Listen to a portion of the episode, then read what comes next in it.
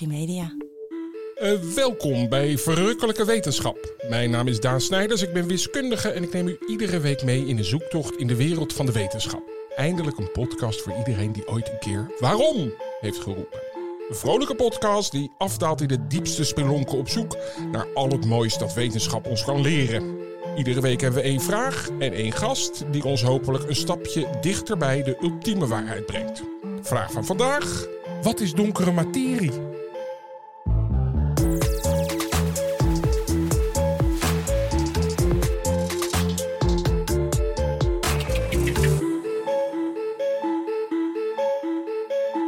Waarom zijn we 85% van het universum kwijt als we het wegen? Hallo Merlijn. Nou ja.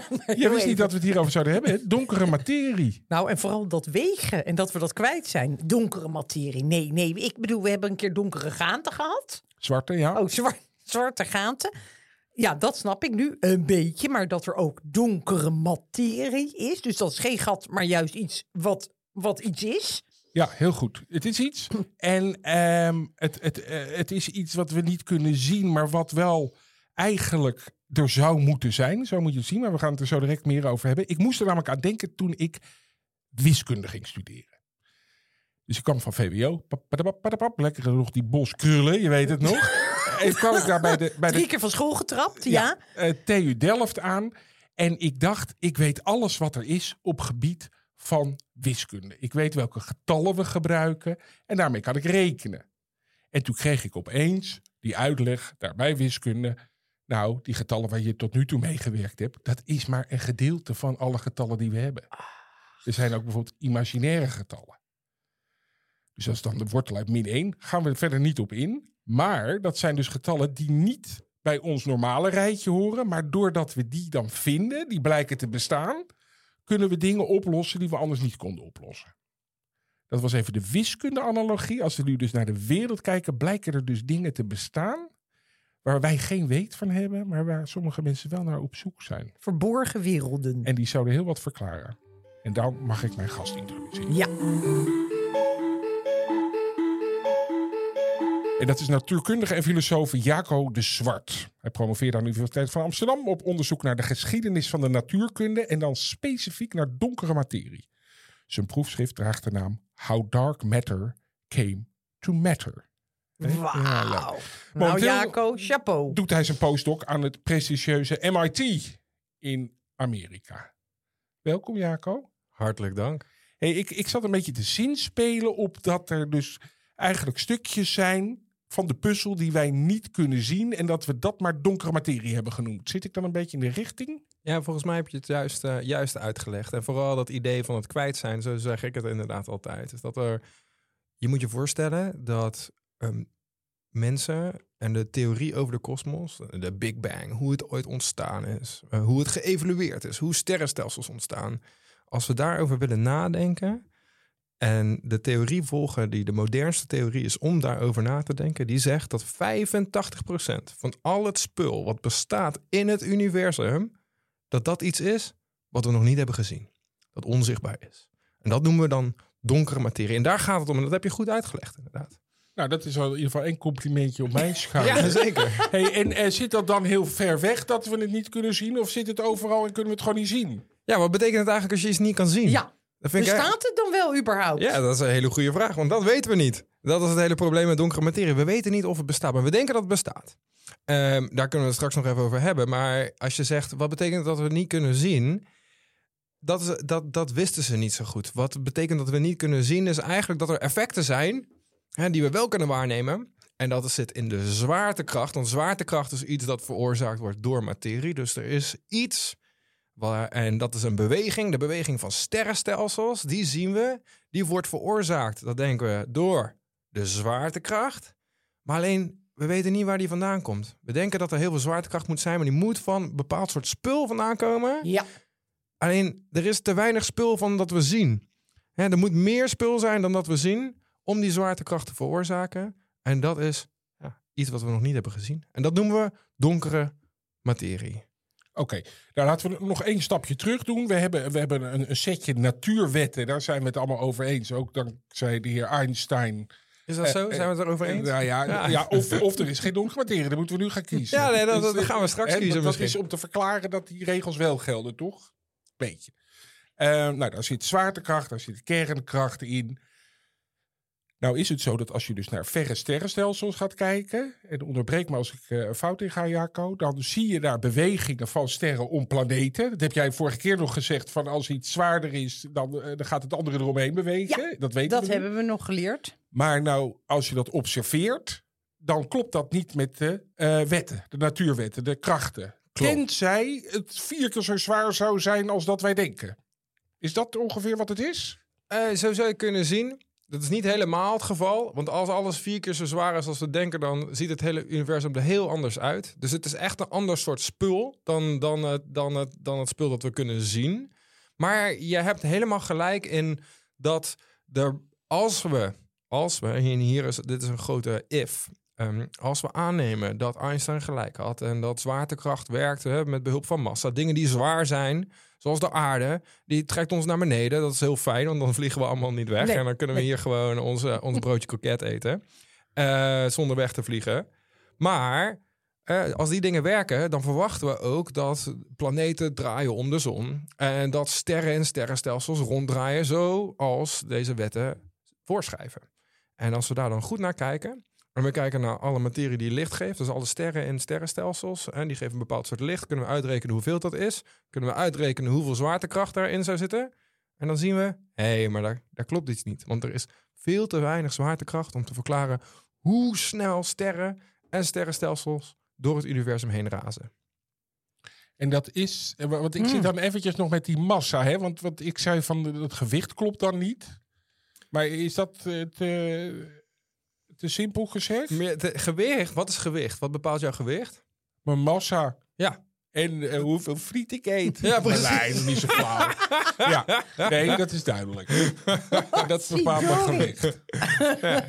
Maar dat, eh, dat, dat moeten, moeten de deeltjes zijn. Ja, hoeveel deeltjes ik bevat, is dat het antwoord? Ja, het gewicht, de aarde bepaalt jouw gewicht hier. Dus Ja, die bepaalt dat, hoeveel je aangetrokken wordt. Maar jouw massa is inderdaad, dat, dat is iets wat, je, wat, wat jij hebt. Dat, is een bepaald, dat wordt bepaald door hoeveel friet je eet, Ja. inderdaad.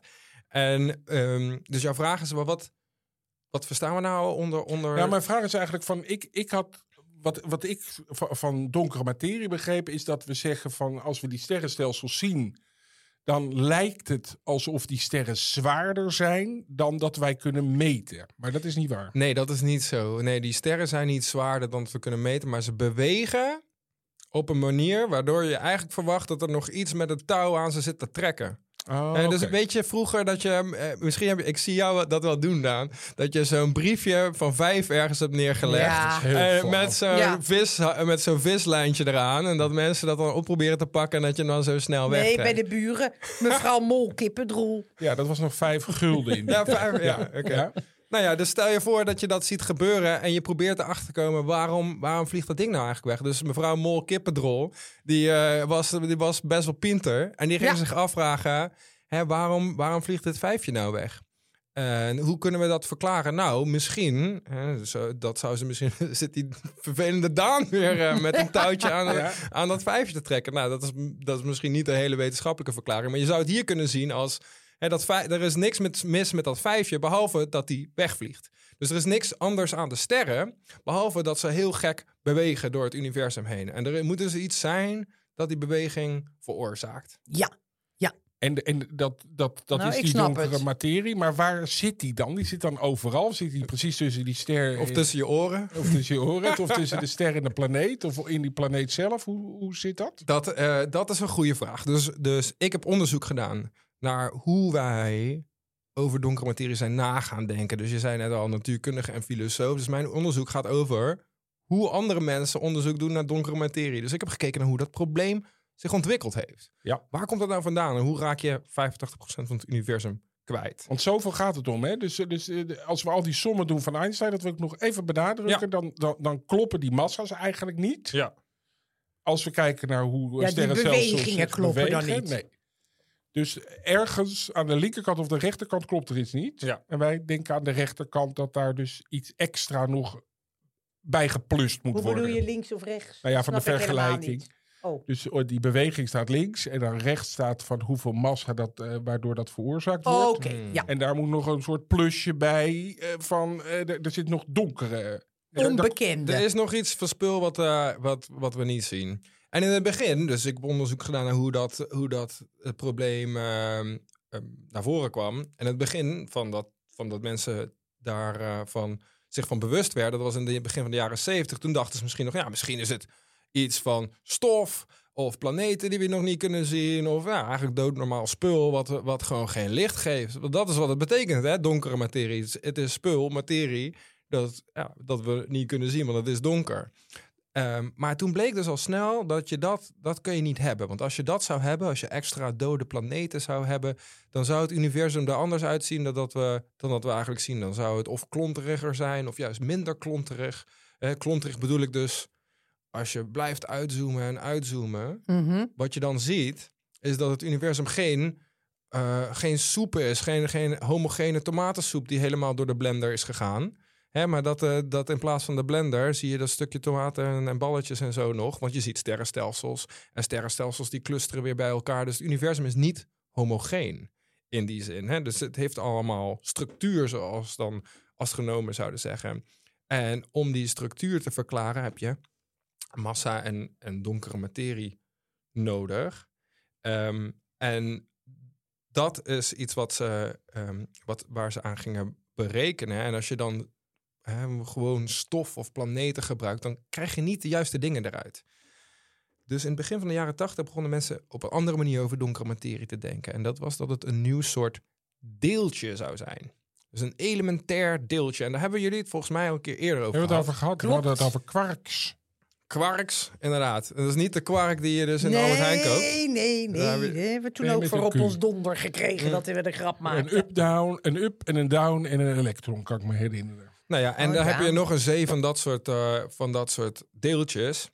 En het idee was, nou, we hebben die zee van deeltjes, van eh, quarks, elektronen en protonen en wat we eigenlijk allemaal kennen. Dus het spul, en ik ga verkloppen, waar eh, deze tafel bijvoorbeeld van gemaakt is. En het idee was dat natuurkundigen hadden, is dat, nou, weet je wat die donkere materie misschien is? Het is een nieuw soort van dat soort deeltjes. Oké. Dus eentje die we nog niet hebben gezien. Eentje waar die tafel niet van gemaakt is. Maar hè, iets wat we, wat we nog moeten uitvinden ergens. Die we nog ergens moeten gaan vinden in het heelal. Of in een van onze grote detectoren of deeltjesversnellers die we hier op aarde bouwen. hey, maar ik wil er nog eventjes... Dus, dus dan, dan zeggen we... Einstein heeft gelijk. Want je kan ook zeggen van die formule klopt gewoon niet. En, Ja. en die dingen die gaan gewoon eh, vier keer zo snel Ja. als dat hij heeft bedacht. Dat kun je ze inderdaad zeggen. Dan ben je niet de enige Daan die dat, eh, die dat zou zeggen. Dus er zijn wat mensen die zeggen... misschien ehm, is donkere materie is dat wel een schijnprobleem. Dus mensen denken dat er meer materie is... omdat we eigenlijk zwaartekracht nog niet goed begrijpen. en dat, de- dat Einstein het dus eigenlijk niet helemaal aan het rechte eind had. Dat is een kleine groep. ik bedoel, zoals jij erover praat, neem ik aan dat dat niet de grote wetenschappelijke theorie is. Nee, inderdaad. En eh, sterker nog, het is nu iets anders. Maar als je vijf of tien jaar geleden mensen die donkere materie onderzoek deden, als je die had gevraagd van wat vind je daarvan, dan begonnen ze te lachen. En dan zeg je, oh ja, die gekkies die daar in de hoek zitten en hun eigen zwaartekrachtstheorie aan het maken zijn. Nou, dat gaat nooit werken.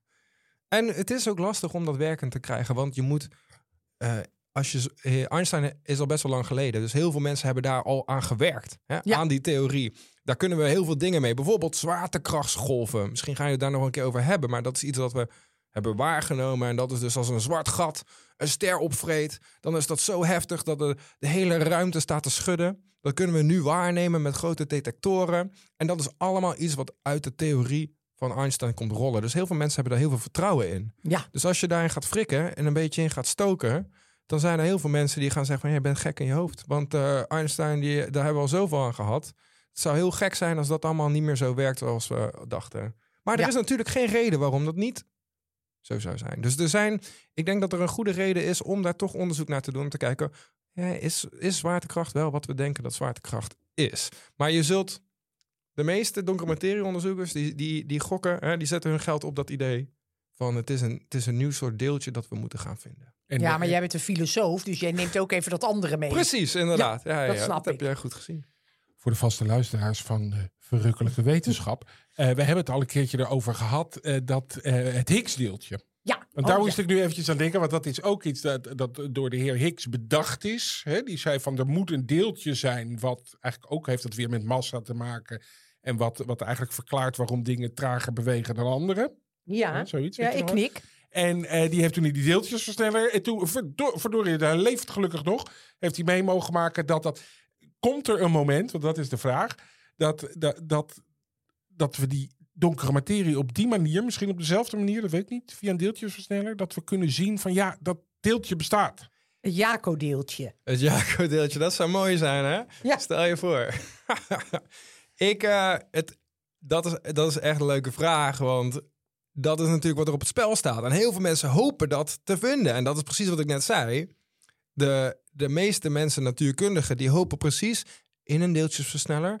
Eigenlijk vaker in een specifieke detector die ze zelf gebouwd hebben om zo'n ding te proberen te vinden. Om precies zo'n deeltje ehm, eh, uit hun resultaat te zien rollen. Ehm, maar het is hier wat anders dan bij het Higgs-deeltje. Want daar hadden ze een hele specifieke voorspelling. Van nou, weet je, we moeten, wel, we moeten ongeveer hier gaan kijken. En we weten dat CERN, de deeltjesversneller in Genève, dat die dat wel zou kunnen gaan vinden. Mhm, En daar was hij. Nou ja, het heeft even geduurd. mhm. Maar bij donkere materie is het dus dat we niet zo heel goed weten wat het precies zou, zou kunnen zijn. Het zou dus heel veel verschillende soorten dingen kunnen zijn. Het zouden nieuwe deeltjes kunnen zijn. Maar ook die deeltjes die kunnen weer een heel groot spectrum van verschillende groottes en massa's hebben. Dus er is eigenlijk een heel, sommige, soms noemen ze dat een dierentuin. Een dierentuin aan kandidaten. Aan donkere materie kandidaten van wat de donkere materie zou kunnen zijn. Hè? Misschien is het, de, om de dierentuin even iets verder eh, door te trekken, misschien is het een kleine rat. Of anders, eh, misschien is het wel een, een grote giraf.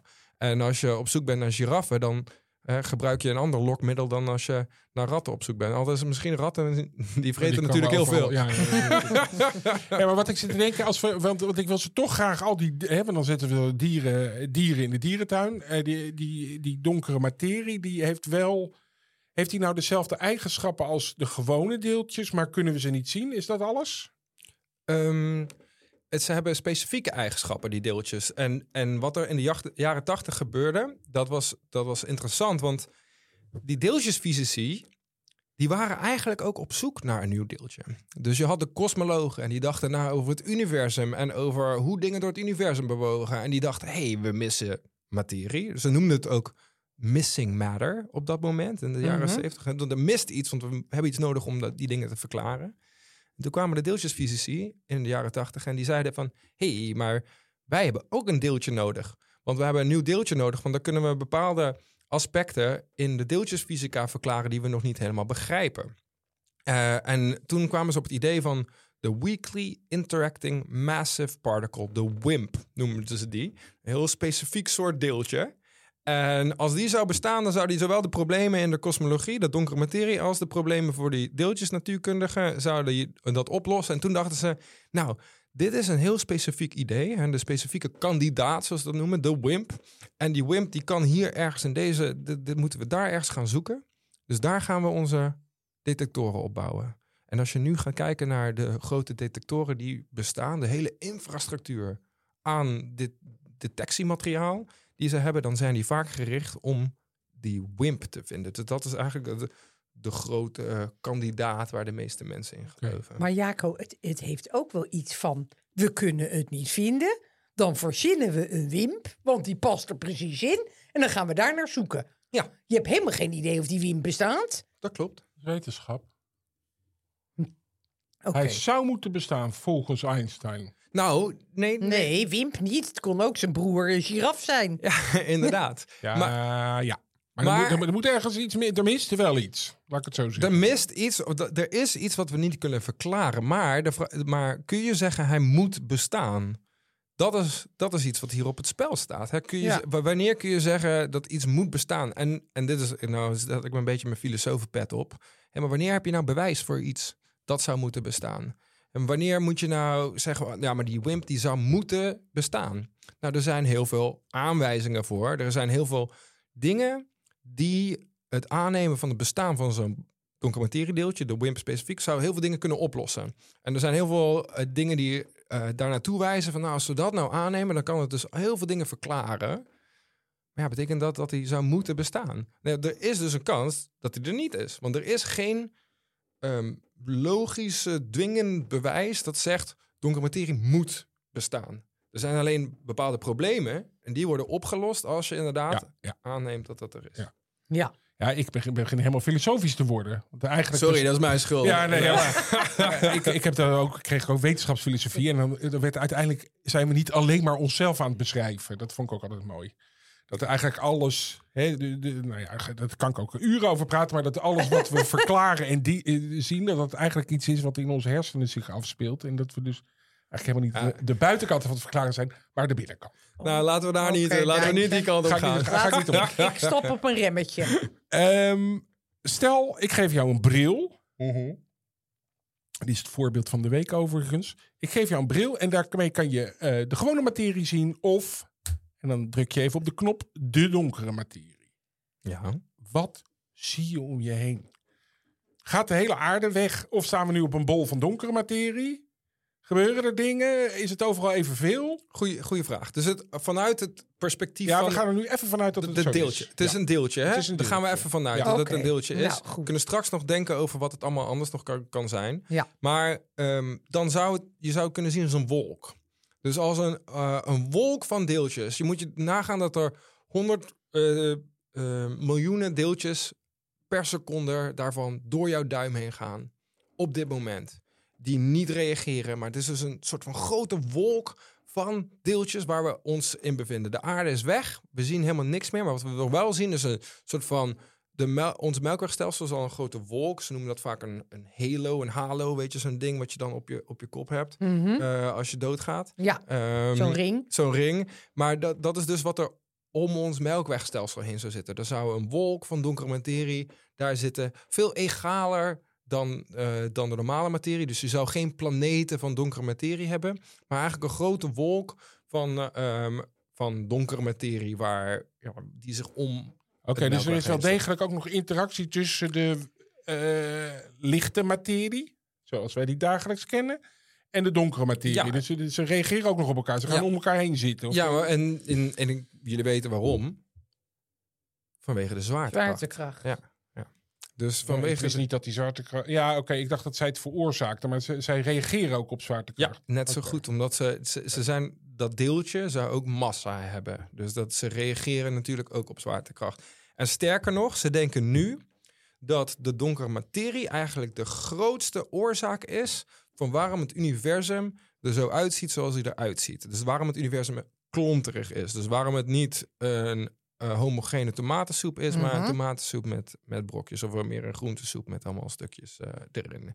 En dat de donkere materie voor die extra zwaartekracht heeft gezorgd. En als je geen donkere materie in het, in de, in het recept van het universum gooit, Ja? dan zou het dus eigenlijk ehm, de melkwegstelsel zou niet ontstaan.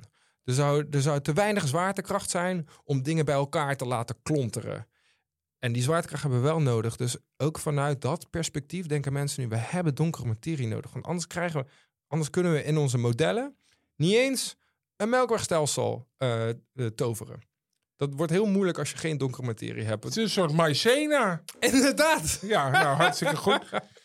Het klontert. Het zorgt voor het klonteren van het heelal. Ja, ja, maïzena. Ik hoor hem.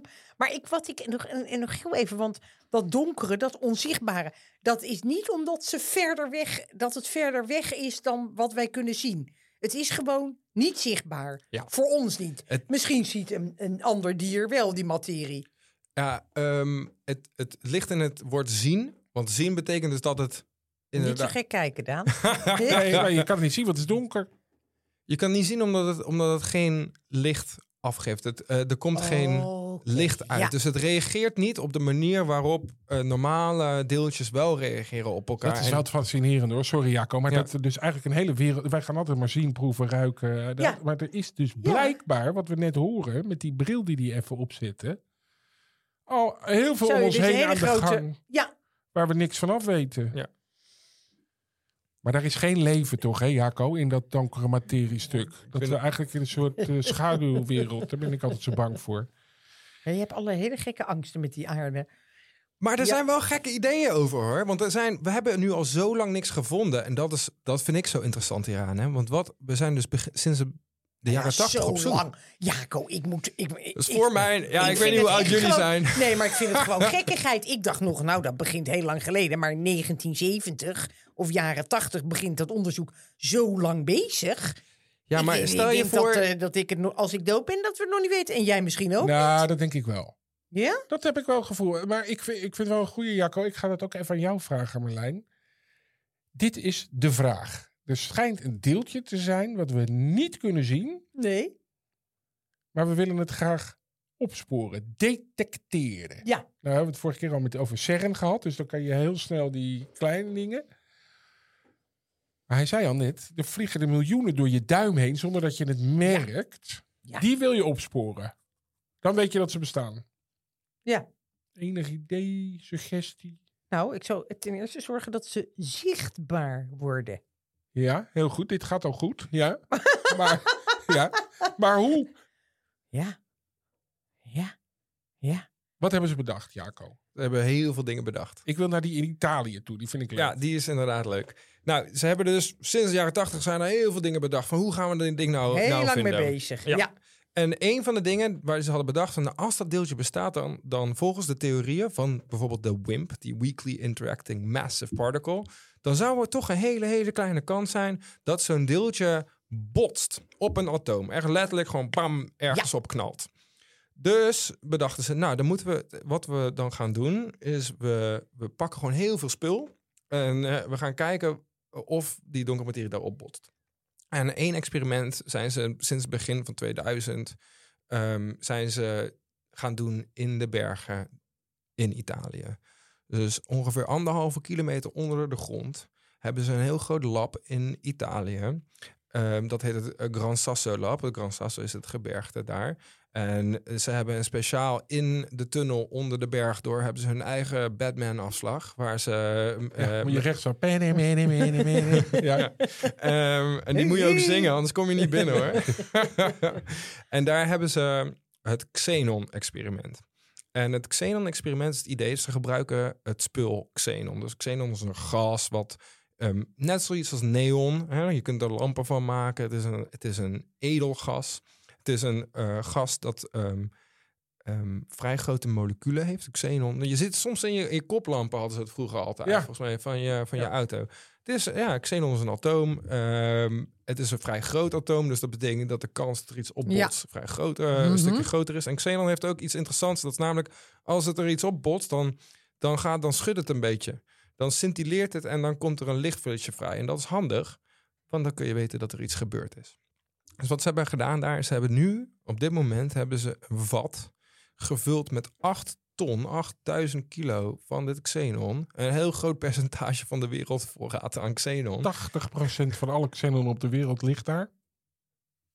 Ja, kun je, Ja. vo- kun je Ja. voorstellen, Marlijn? Ja, nee, ik schrik mijn hoed. Ja, Ja? die hebben ze daar ehm, naar, eh, naar binnen gehaald. En Mhm. die zit in, ehm, in dat eh, experiment in een grote ton, heel diep onder de grond. Want ze willen natuurlijk geen ander spul, geen kosmische straling, geen straling hebben die op, de, op die deeltjes botst. Nee. Dus daarom hebben ze dat diep onder de grond in een watertank. Daar zit nog een extra tank. En daar hebben ze dus ehm eh, 800.000 ki- eh, of ehm 8000 kilo aan xenon zitten. En daar zijn ze dus aan het wachten op een moment dat als er zo'n donkere materiedeeltje bestaat, dat hij op zo'n xenonatoompje botst en zich laat zien. Dat zijn ze daar aan het doen. En dat zijn ze dus nu al meer dan 20 jaar aan het doen. En het experiment wat ze nu aan het doen zijn, is hun vierde generatie experiment. Ze begonnen met 10 kilo xenon en toen 100 en toen 1000 en nou 8000 kilo xenon. En ze vinden maar niks. Dat is een Maar hoe moet dat deeltje daar dan komen? Want je zit daar helemaal onder de grond. Hoe Ja, hij je schiet nou... overal doorheen. Hij raakt de aarde genees als hij er doorheen vliegt. Zo klein is hij. Dus dat je mag hopen dat hij daar tegenaan botst. Dat Dat, is eigenlijk gewoon het... Je zit maar te wachten tot je één vonkje ziet. Ja, ja, inderdaad. Oei, oei, oei, wat treurig. Is het weer Fred die de gaan- peuk opsteekt? Maar, ja. Ja, maar is- heel even, waarom zit daar... Daar zitten dan miljoenen euro's in. Ja, ik dacht dat Sorry, je daar ik weer ga over dood Belastinggeld, zeg het maar. Belastinggeld vanuit onze zakken. Ja. Nee, maar... Ja, maar dat is toch ook fantastisch? Je hebt dus Ja, een het is- theorie die uit een papier is geschreven. Je zegt, Ja, hij komt maar- hier uit, dus er moet iets zijn. Daar gaan we vanuit, daar gaan we over nadenken, daar gaan we bouwen. We gaan nou, nu het bouwen. is me te vaag. Ik zou geen geld schieten voor zo'n plan. Marlijn, terwijl jij nog Ja. even de hand op de portemonnee houdt, vragen wij wel aan de gast. eh, wa- wat hebben we hier aan? Misschien is Nou, dat dank handig. Ja. Ik vind het een goede vraag. Wat hebben we hier aan? Want ik, ik, ik vind het niet eens zo gek hoor, Marlijn, als je vra- afvraagt. Maar waarom... Dank u. Ja, wat gebeurt hier nou? Waarom doen we dit nou? En ik denk dat er hele goede redenen zijn om dit te, om, om dit te bouwen. Want ze hadden een heel specifiek idee. Er waren twee theorieën die daar naartoe wezen in de jaren tachtig. En die zeiden van, nou, daar gaan we iets vinden. En er zijn natuurlijk heel veel gekke technologische ontwikkelingen geweest. Want, net zoals je zei, ik vind dat heel erg leuk. ehm, om zo'n experiment te bouwen, moet je dus niet je peuk aansteken daar. Want dan maakt alles smerig. Zo'n experiment moet heel, heel, heel erg schoon zijn. Oh ja, nog even, want, want er is ook heel veel lood omheen. Juist daarom, hè, want er, komen er niet andere externe deeltjes binnen. Maar bijvoorbeeld als je dus telefoneert daar, dan gaat het ook al mis. Of als er ergens iets radioactief is en heel veel Nee, dingen. je mag bijvoorbeeld geen banaan mee naar binnen nemen. hè? Nee, want- want eh, bananen die hebben kalium in zich zitten. En bananen en kalium die heeft een radioactieve isotoop. Dus die vervalt. En dat radioactieve spul, dat kan dus een deeltje zijn. Die doet alsof hij donkere materie is. Die knalt op de xenon. En dan denkt iedereen van, hé, hey, we hebben iets gevonden. Maar dat wil je niet hebben. Dus dan mogen geen bananen daar beneden. Maar er mag ook heel veel ander spul mag niet beneden. Dus alles moet ontzettend schoon zijn. Geen vuiltje in dat xenon. Want dat kan zomaar hè, de, het doen alsof het Ja, een positief de proef doen resultaat mislukken. Ja, de Ja. proef doen Eh, kan, kan je nog even van het lood, want dat vond ik zo mooi Ja. Dat, dat, dat lood moest heel zuiver zijn, dus... Nou, je, je wil niet alleen dat het schoon is, je wil ook dat het materiaal puur is. Hè? Dat het zuiver is, het materiaal. Dat er daar, daar dus geen gekke dingetjes in zitten. eh, in bijvoorbeeld het staal dat je gebruikt. Staal kan soms best wel radioactief zijn. Niet voor ons, maar voor hun dus wel. Elk klein beetje. Zelfs eh, soms een eh, professor zei mij, eh, tegen mij, zei... Het gaat hier echt om homeopathische hoeveelheid straling. en, die, en die moeten ze echt allemaal niet hebben. Dus daar hebben ze dus heel zuiver spul voor nodig. En waar haal je nou spul vandaan dat helemaal geen radioactiviteit heeft? Nou, ten eerste wil je dan eigenlijk iets hebben wat gemaakt is voor de Tweede Wereldoorlog. Dus voordat mensen in de buitenlucht kernproeven gingen doen. Want dat, eh, die, dat kleine spul, dat nucleaire spul wat in de lucht zit, dat gaat dus met een heel klein beetje, gaat dat ook in allemaal materiaal zitten. Hè? Die materiaal zuigt dat dus helemaal, alles wat je hier in de open lucht hebt, dat zuigt dat een klein beetje op. Ehm, dus dan wil het liefst eigenlijk ook iets wat heel erg lang afgeschild is van de, van, van de buitenwereld. Mhm. Waar vind je dat nou? En Daan, jij weet het al, dat is diep onder de zee. Op de zeebodem. Op de zeebodem. Oude Romeinse schepen hadden lood. En die hebben ze geborgen. En dat lood hebben ze gebruikt om te kijken. Hoe vind je het? Dat is toch Nou, prachtig? ik vind het van verhaal prachtig. ik zal niet weer beginnen over de En zeentjes. voor een podcast? maar eh Voor een podcast ook fantastisch. goed Nee, als onderwerp? Ik weet niet of ze dat bij Het dat. Xenon-experiment hebben gebruikt. Maar dat is heel belangrijk voor hele gevoelige detectoren. Ja. Wil je heel schoon, puur materiaal, dat halen ze dus uit scheepswrakken. En dat is natuurlijk ook best wel gek. Hè, wanneer mag je nou, wanneer is het nou gerechtvaardigd om, om, eh, om zo'n boot leeg te roven? Zo'n cultuur, eh erfgoed. Schennis. Ja, maar, maar dan kom ik toch weer terug op die vraag. Ja.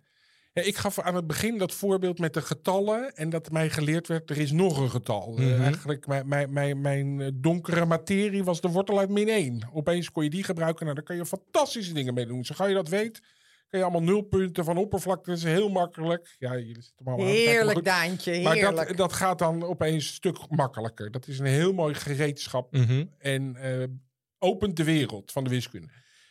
Is dat ook zo met donkere materie? Als we het weten waar dat is, kunnen we het gaan gebruiken. Kan ik eh, mijn auto ermee Ja. opvullen? Eh, kunnen Ja. we korte reizen? Toekomst, verleden? Zeg het maar. Ja. Nee, dus wat hebben we eraan? Ja, goed, daar had ik nog geen antwoord op gegeven. Nee. Maar misschien was dat ook stiekem dat ik daar geen antwoord op gegeven. Eh, ik denk dat we niet zo goed weten wat we eraan hebben. eh, ik ging er net eens op, eh, op in op dat er heel veel gekke technologieën ontwikkelen om, om zo'n gevoelig experiment te Ja, krijgen. ja. Maar ja, wat, wat gaan we er nou aan hebben? Ik denk dat als je een donkere zelf vraagt, hè, want ik doe dan een beetje een filosofisch reflectie, eh, reflectieonderzoek. Mhm. Ik praat met al die mensen, ik zit er ook wel tussen hoor. En ik heb natuurkunde gestudeerd, dus ik weet wel een beetje wat er allemaal rondgaat. Ik denk dat ze zouden zeggen dat, er, dat je donkere materie astronomie kan doen. Hè, dat er op een bepaalde manier een nieuwe wereld open gaat. Net zoals jij zei, er is hier een schaduwwereld. En als we die donkere materie kunnen waarnemen, kunnen we het universum op een nieuwe manier kennen. Dus dat is eigenlijk zou je dat kunnen zien als nu als zo'n nieuwe James Webb telescoop. Alleen dan nu voor de schaduwwereld, de, donker, de donkere materiewereld. Die zou je dan kunnen bouwen en dan kun je dus het universum op een andere manier bekijken. Maar kunnen we er sneller mee vliegen? Hè, Kunnen we de, de, de grote ecologische crisis ermee gaan Mhm. oplossen? Goed zo. Nee. En, nou, en ik vind dit, ik vind dit zelf dus een interessante vraag. Dus ik neem nu even wat ruimte om daar misschien iets over te zeggen. Want wanneer moeten we grotere detectoren blijven bouwen? En dat is iets wat jij net al zei, Mar- eh, Marlijn. Wanneer zijn we gerechtvaardigd om maar die grote discovery, die grote zoektocht naar het hele Ja. hal door te blijven zetten? En ik vind dat er goede redenen voor zijn. Maar ja, de wereld staat in de fik. En misschien moeten we ook eens om ons heen kijken wat eh, eh, zo'n experiment of natuurlijk maar vervuilt hij niet zoveel als een shell. En dat is onzin. Daar, daar liggen natuurlijk heel veel grote problemen. Maar we blijven ook maar natuur kunnen doen met, met, eh, met oogkleppen Oogkleppen. op. Ehm, in de zin van we willen meer en meer en meer ontdekken. En ja, soms moeten we misschien ook een beetje om ons heen kijken van waar, waar gaan we nou naartoe en wanneer, wanneer stopt zoiets nou? Bijvoorbeeld die WIMP. We hebben dat nu 40 jaar niet gevonden, eh, die WIMP. En eigenlijk wat je ziet de afgelopen vijf jaar is dat mensen dat gaan de vertrouwen in verliezen. Van ja, misschien gaan we dat ding wel niet vinden. Nee. En als dat zo is, dan is dat Xenon-experiment zo meteen ook, dan eindigt dat met een sisser. Dat hebben ze twintig jaar lang heel veel geld erin gestoken. Wat is een enige aanleiding, sorry dat je onderbreekt, maar dat, de- om te denken dat die WIMP überhaupt ooit tegen iets opbotst. Want ik begin nu langzamerhand een soort wereld te zien die elkaar nooit raakt. Ja, maar dat beginnen natuurkundigen ook te zien. Dat weet ik nu al. En ik ben, En- ik ben 20 minuten met die materie bezig. Ja, ja maar, da- maar dat is het begin. En daarom begint het zo filosofisch interessant te worden. Want wanneer heb je, zometeen heb je iets wat je niet kan testen. En dat is waarom ik dan, ja, weet je, ik word betaald om dit te doen. Ik vind dat fantastisch. Maar het gaat dus in de kosmologie heel vaak om de rand van het testbare. Wat kunnen we nog vinden? Waar het is allemaal heel lang geleden. 13,7 miljard jaar geleden ging de Big Bang af. En het is allemaal heel ver weg. Hoe in hemelsnaam komen we daarachter? En hoe kunnen we nou testen of onze theorieën allemaal kloppen daarover? En hier donkere materie is zo'n prachtig voorbeeld daarvan. Want we hebben een hele goede reden om te geloven dat dit spul zou bestaan. Maar we vinden het maar niet. Het zit maar nergens. En telkens doen we weer experimenten. En eigenlijk telkens wordt donkere materie onzichtbaarder. Want het zit niet waar we het vinden. Dus we moeten nog verder zoeken. Dus het blijkt nog onzichtbaarder te zijn dan dat we eerder dachten. Dus wanneer stopt dat nou? Wanneer moeten we daar nou mee gaan stoppen? Ehm, en, en waar zou het moeten zitten? En sommige mensen beginnen dan met nieuwe theorieën te komen. Ik heb net nu een nieuwe theorie. Ik denk dat het gewoon in, als het ware in het grid van het heelal zit. Als de ruimte zelf gewoon verdikt. Kan dat het niet zijn? Ja, jullie zien het niet, maar Daan is lekker met heel zijn wapperen. Heel druk bezig met zijn handen. Alsof, alsof wat, wat, Wat ruimte kan toch ook buigen? Ja, maar dat, eh, er zijn natuurlijk wel ehm, bepaalde... eh, ehm, Dus dat hij Restricties. stroperiger wordt. De- zoiets. Oké, De- de- nou, er zijn, brei. ja, maar dan, ga, dan, dan wijk je af van het... Laten we het bijhouden dat het een deeltje zou moeten zijn. Maar dat is nu een Ja, maar ander daar ben ik soort een beetje deeltje. vanaf, eerlijk gezegd. Nou Ja, ja, het- naar jouw verhaal. Ja, maar er zijn natuurlijk... Die WIMP is het niet, maar het zou er ook een ander soort deeltje kunnen zijn. Uit die Sommige dierentuin. mensen... Uit Ja. die dierentuin. Dus laten we nou even weglopen bij de apen. En laten ja, we kijken... Kan, maar die, die- zo'n zebra, als je die gooit, dan kan hij nog steeds in dat xenonvat gezien worden, toch? Ja. Of niet? Ja, ja, maar dat, dat is dus de, de, dus de zebra misschien wel en de aap ook. Maar als je nou zo meteen met muskusratten gaat gooien, dan ga je ze niet meer zien. Of met, met, met kleine eh, eh, mussen. Dan, dan is die daar niet gevoelig voor. Dus dat experiment, je kunt, de, de Xenon-experiment is gevoelig voor een heel bepaald soort apen, laat ik het zo zeggen. Dat is de WIMP. Ehm, en ehm, de grotere ehm, deeltjes uit die dierentuin, dus de giraffes en, en, en de mussen, daar, eh, daar is hij niet gevoelig voor. Dus daar moeten we een andere detector voor bouwen. Dus er zijn heel veel mensen die bijvoorbeeld geloven dat donkere materie een, een deeltje is en dat heet een axion. En dat is weer een ander soort deeltje. En die gaan we niet vinden met behulp van Nee. een vat met xenon. Nee, moet je weer een andere Moet je opstelling weer maken. een ander deeltje gaan. Marlijn, een- kan jij even zijn Nee, vraag ik- beantwoorden? Kan jij, kan jij even zijn vraag beantwoorden? Nee, eh, ja, Jaco vroeg, eh, hoe lang moeten we hier in hemelsnaam mee doorgaan? Nou, ik vind het nu eigenlijk al te lang. Als ik eerlijk ben. En weet je, ik ben ook eh, ehm, ervan overtuigd dat je natuurlijk, omdat je met zo'n groep daarin zit. En dan komt er weer iemand bij. En dan denk je, oh, we gaan nog verder. En die heeft weer een nieuw idee. Het is natuurlijk niet iets waarvan je... Daar moet iemand boven staan. En die moet zeggen, jongens, stoppen ermee. huilie, huilie. We gaan, dit was het.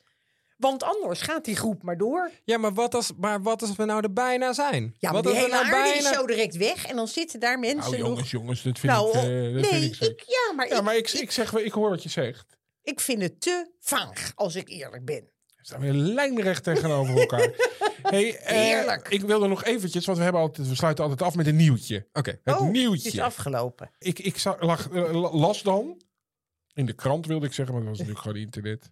Ook dankzij CERN ontwikkeld, dat hebben we vorige keer al gehoord. Hè? Bijvangst. Maar daar waren nog mooie bijvangsten bij. Hier heb ik nog Nou, niks dit heeft gehoord. Ja, ook, dus eh, ook hoor. Die, die zijn er Ja? zeker ook. Dus eh, ik denk dat je zeker kan verdedigen waarom deze experimenten er zijn. Maar ik vind het, deze vragen over hè, wanneer stopt nou een experiment en wanneer moeten we, waar moeten we nou op gaan mikken, dat zijn, hoe meer er gebeurt in de wereld, hoe belangrijker deze vraag wordt. Dus en ik denk Ja. dat deze echt op de agenda moet komen bij, bij veel van dit soort experimenten. Hey, mijn laatste vraag die komt van mijn dochter. Want toen ik hier naartoe kwam, vroeg die, dat is echt zo, eh, dat is toch hetzelfde als een zwart gat? Zwarte materie. Jij begon trouwens over donkere materie aan het begin, Ja. of donkere gaten. Ja, Is dat hetzelfde? Heeft dat iets met elkaar te maken? Zwarte gaten, donkere materie? Dat kan iets met elkaar te maken hebben, maar in principe niet. De donkere Oh. materie hebben we net helemaal uitgebreid over gehad. Zwarte gaten zijn objecten die we inmiddels hebben waargenomen. We weten dat die bestaan. We weten ongeveer hoe ze werken. Er is iets geks in zwarte gaten. En dat is hoe ze nou van binnen werken. Dat weten we niet. Dus de, van binnen hoe een zwart gat natuurkundig eruit ziet. Dat zijn hele grote vraagstukken. Dat, dat weten we nog niet. We, we weten dat ze bestaan. We hebben er een foto van. ja. Van donkere hebben wij materie gezien. hebben we nog geen Nee, maar ik, foto. mijn, mijn theorie is dus dat daar bestaande materie in donkere materie wordt veranderd. In dat zwarte gat. Oh, dat het opslurpt. Dat is, eh, daar gaan we het niet over hebben. Maar niet- er zijn wel- wel. Er zijn wel mensen die dat ook vinden. Nee, er zijn mensen die denken. Er zijn mensen die hebben geprobeerd. Want dat zwarte gaten we weten dat die bestaan. Zouden de zwarte gaten niet de donkere materie kunnen zijn? Zou het niet kunnen zijn dat het universum vol zit met zwarte gaten? En dat die zwarte gaten, want die zijn ook zijn zwart, maar ze zijn ook massief. Ze hebben zwaarte. Dus die zorgen ook voor extra zwaartekracht. Dus misschien kan het wel zijn dat er gewoon een heel veel verdeling van zwarte gaten zijn. En die zijn de donkere materie. En daar hebben veel mensen naar gekeken. En er is een Ja, hele dat, kleine eh, kans. eh, Maar dan krijg je toch een soort heel wobbelig. Die wordt er dan steeds aangetrokken door kleine. Het zou, het zou Ja, kunnen. Ja, ja, het zou kunnen. Het zorgt dan voor de, voor de juiste zwaartekracht. Maar er zijn dus eigenlijk wel heel veel restricties daarop. Het kunnen niet de grote, zwaarte, eh, te, niet de grote zwarte gaten zijn. Het kunnen niet de kleine zwarte gaten zijn. En dat, daar komt heel erg nauw. En eigenlijk zijn de meeste natuurkundigen ervan overtuigd dat de donkere materie waarschijnlijk geen zwarte gaten zijn. Maar er is wel een kleine. Nou, dat moet ik dan naar, aan mijn dochter gaan overbrengen. Ja, ja. Lekker Ik, ik, wat ik altijd, nee, nee, ik heb altijd een extra eindvraag. Namelijk Oh, van hoe zit het dan? eh, ik probeer altijd gasten tegen elkaar uit te spelen. We hadden hier vorige keer een gast en die zei: alle natuurwetten gelden overal in het heelal. Maar een andere verklaring zou kunnen zijn dat wat wij ver weg zien, dat daar gewoon hele andere wetten gelden. En die hebben helemaal niks met Einstein te maken. Want volgens mij komen we op aarde komen we wel prima rond, toch? Met Einsteins wetten. ja, inderdaad. Nou, dan vind ik Ja. dat eigenlijk. is toch veel makkelijker? Dan ben je niet in de enige geweest Oh. hoor, in de geschiedenis van de natuurkunde die gezegd heeft, misschien werkt het ergens anders wel anders. Maar op het moment, het, het is wel een fijne aanname om te doen. anders maakt het de wereld wel heel erg onpraktisch als het overal anders eh zou Ja, dat werken. zei hij Ja. ook al van ja, Ja. waar zit ik dan naar te kijken als het allemaal anders, als daar geen Ja. zwaartekracht is of daar is het twee keer zo. eh, Maar het is ook wel mooi, want dan kan je zeggen, nou, dat laten we lekker zo.